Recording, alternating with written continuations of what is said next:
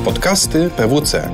Odpowiadamy na istotne pytania dotyczące Twojej firmy: podatki, prawo, biznes, finanse i technologia. Nagrania są dostępne na pwc.pl łamane przez podcasty. Dzień dobry. Witam w nowym odcinku podcastów PWC. Nazywam się Jakub Gołębiowski i zapraszam Was do odsłuchania audycji, w której zadam trzy ważne pytania związane z inspektorem ochrony danych prowadzonym przez RODO. Naszymi gośćmi są dziś Arwid Mednis, partner w PWC Legal, radca prawny, lider zespołu ochrony danych osobowych ETMT. Dzień dobry. Dzień dobry. Oraz Łukasz Ślęzak, menadżer w zespole cyberbezpieczeństwa. Dzień dobry. Dzień dobry. Ogólne rozporządzenie o ochronie danych osobowych, czyli RODO, wprowadziło nową funkcję w organizacji. Ta funkcja to inspektor ochrony danych, w skrócie IOD często oznaczana, oraz wskazało przypadki, kiedy powołanie inspektora jest obowiązkowe. Do pewnego stopnia inspektor jest odpowiednikiem dotychczasowego administratora bezpieczeństwa informacji. Podczas dzisiejszego podcastu chciałbym, abyśmy wspólnie omówili rolę inspektora ochrony danych i zastanowili się nad tym, jak inspektor powinien być osadzony w strukturze organizacyjnej. Poruszymy tutaj zarówno aspekty prawne, jak również techniczne wykonywania obowiązków wynikających z RODO. Podzielimy się także doświadczeniami w zakresie efektywnego i bezpiecznego pełnienia funkcji inspektora ochrony danych. I tutaj przechodzimy już bezpośrednio do rozmowy. Kieruję pierwsze pytanie do Arwida. Jakie są możliwości umiejscowienia inspektora w organizacji? Przede wszystkim trzeba powiedzieć, że przepis RODO y, dość wyraźnie wskazuje, jak to umiejscowienie powinno wyglądać, bo mówi, że inspektor ochrony danych bezpośrednio podlega najwyższemu kierownictwu administratora lub podmiotu przetwarzającego. Czyli już mamy rozstrzygnięcie w samym przepisie.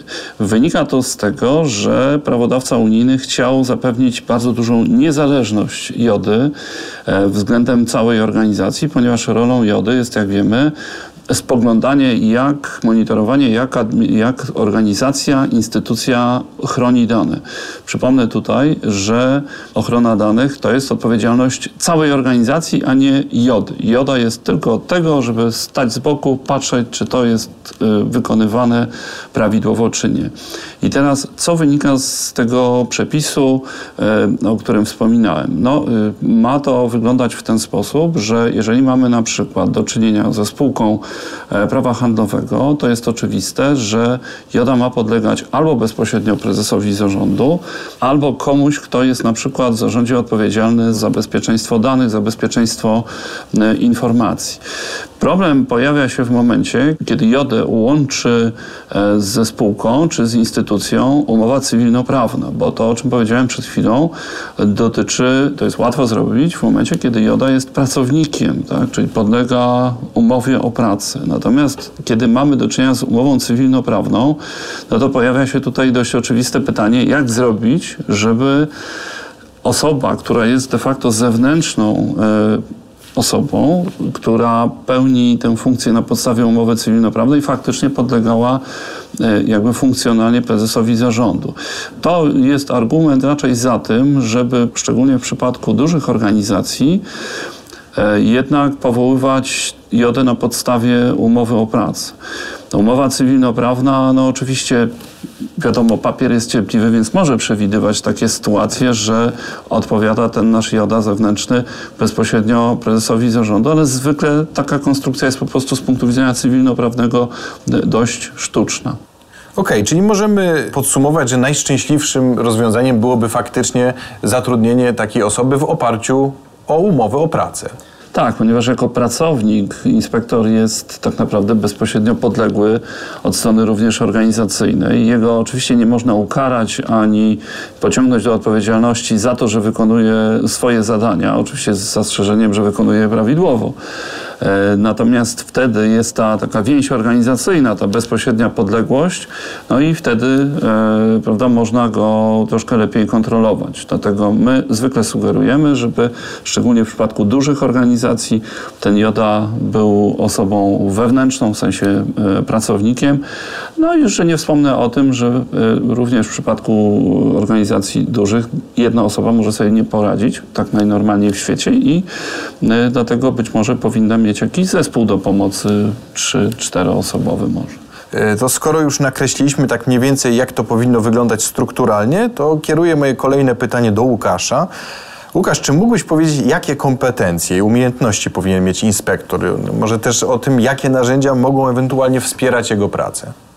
Y, RODO zawiera wymagania w dwóch perspektywach prawnej i technicznej. O ile wymaganiom prawnym poświęcona jest większość zapisów rozporządzenia, o tyle wymagania techniczne nie są już tak dobrze sprecyzowane. Po pierwsze, RODO y, jest technologicznie neutralne, czyli nie wymaga określonych zabezpieczeń czy systemów bezpieczeństwa IT. Po drugie, w zakresie bezpieczeństwa danych osobowych przyjęte jest podejście oparte o, o zarządzaniu ryzykiem utraty prywatności. Czyli można to podsumować, że sposób osiągnięcia celów, y, które wynikają z rozporządzenia może być różny dla każdej organizacji, a nawet mogą y, istnieć różne sposoby ich osiągnięcia dla jednej organizacji. Jednocześnie pamiętajmy o tym, że każda decyzja musi być poprzedzona pogłębioną analizą i poparta stosowną argumentacją. Y, z powyższego wynika, że inspektor ochrony danych powinien posiadać wiedzę zarówno w obszarze prawnym, jak i w obszarze technicznym. Oczywiście jest, jest możliwość, aby był bardziej prawnikiem niż osobą techniczną, jeśli ma zapewnione oczywiście odpowiednie wsparcie Departamentu czy Działu Bezpieczeństwa. I tak samo może być w drugą stronę, czyli może być tak zwanym bezpiecznikiem, osobą techniczną, która ma wsparcie y, Departamentu Prawnego. Dodatkowo należy podkreślić i pamiętać o tym, że w dużych organizacjach, o czym wspomniał Arwid, budowane są całe zespoły ochrony danych osobowych i w takim przypadku inspektor oprócz tych kompetencji prawno-technicznych musi posiadać także typowe umiejętności menedżerskie, y, które pozwolą na efektywne zarządzanie zespołem.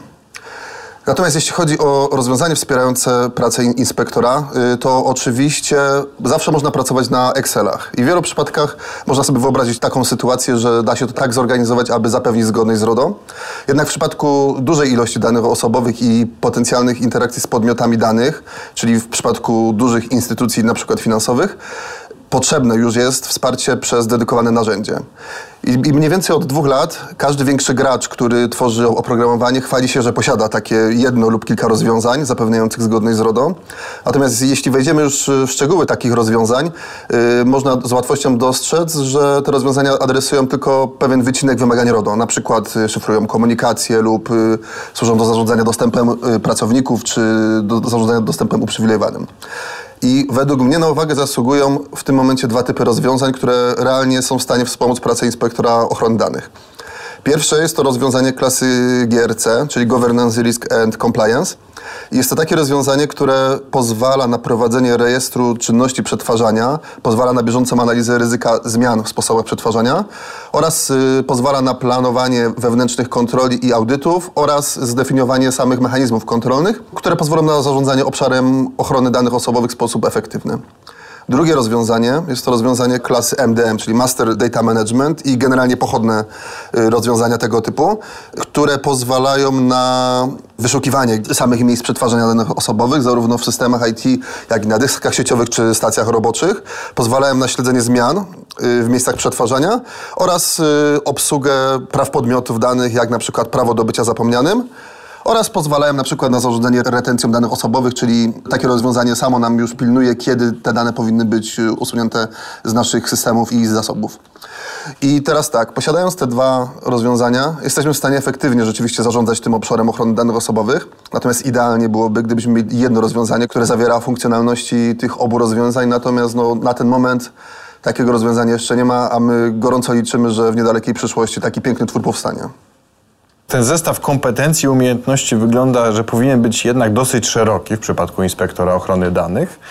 E, natomiast cały czas się zastanawiam i tu trochę wrócimy może do tego, o czym Arwid mówiłeś na początku. Jakie są rodzaje odpowiedzialności inspektora ochrony danych? No, generalnie patrząc z punktu widzenia samego inspektora, byłbym na pewno zainteresowany, na jakiej podstawie mogę odpowiadać i co mi ewentualnie grozi za niewykonanie swoich zadań. Można rozpatrywać to w takich czterech kategoriach odpowiedzialności: odpowiedzialności administracyjnej, karnej, cywilnej i wreszcie pracowniczej.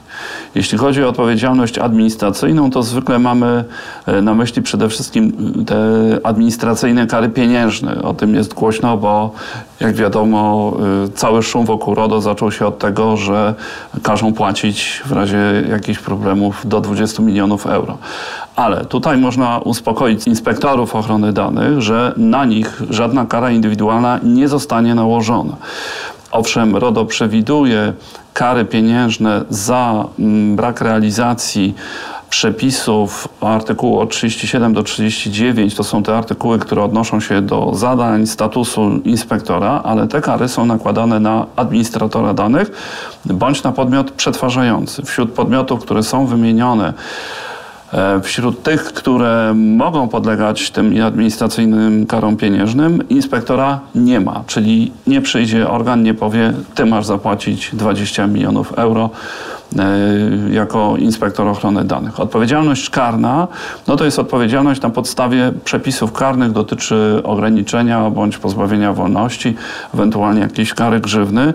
Tutaj też nie mamy ani w RODO, ani w przepisach e, naszej nowej ustawy o ochronie danych E, takiego przepisu karnego, który by wiązał się z jakąś odpowiedzialnością samego inspektora z tytułu wykonywania przez niego zadań. Owszem, jest tam przepis w nowej ustawie o ochronie danych, który mówi o karze za utrudnianie przeprowadzenia kontroli. No, teoretycznie to utrudnianie może być spowodowane przez jakieś działania inspektora, no ale nie jest to jakby kara, która może być tylko i wyłącznie nałożona na, e, na inspektora. Jeśli chodzi o odpowiedzialność cywilną i pracowniczą, to ona zależy od tego, z jakiego typu relacją prawną mamy do czynienia pomiędzy administratorem a inspektorem. To jest to, o czym mówiłem wcześniej. W pierwszym pytaniu, tak? Wracamy tak. tu odrobinę do tego. Jeżeli y, mamy do czynienia z umową cywilnoprawną, no to wiadomo, będzie to odpowiedzialność za niewykonanie bądź nienależyte wykonanie zobowiązania wynikającego z umowy. To już zależy od tego, co w tej umowie jest wpisane. Mogą być jakieś kary umowne, prawda? Czy może być to odpowiedzialność po prostu kontraktowa za szkody wyrządzone z tytułu niewykonania umowy. Także tutaj to już trzeba odesłać do ewentualnej e, umowy.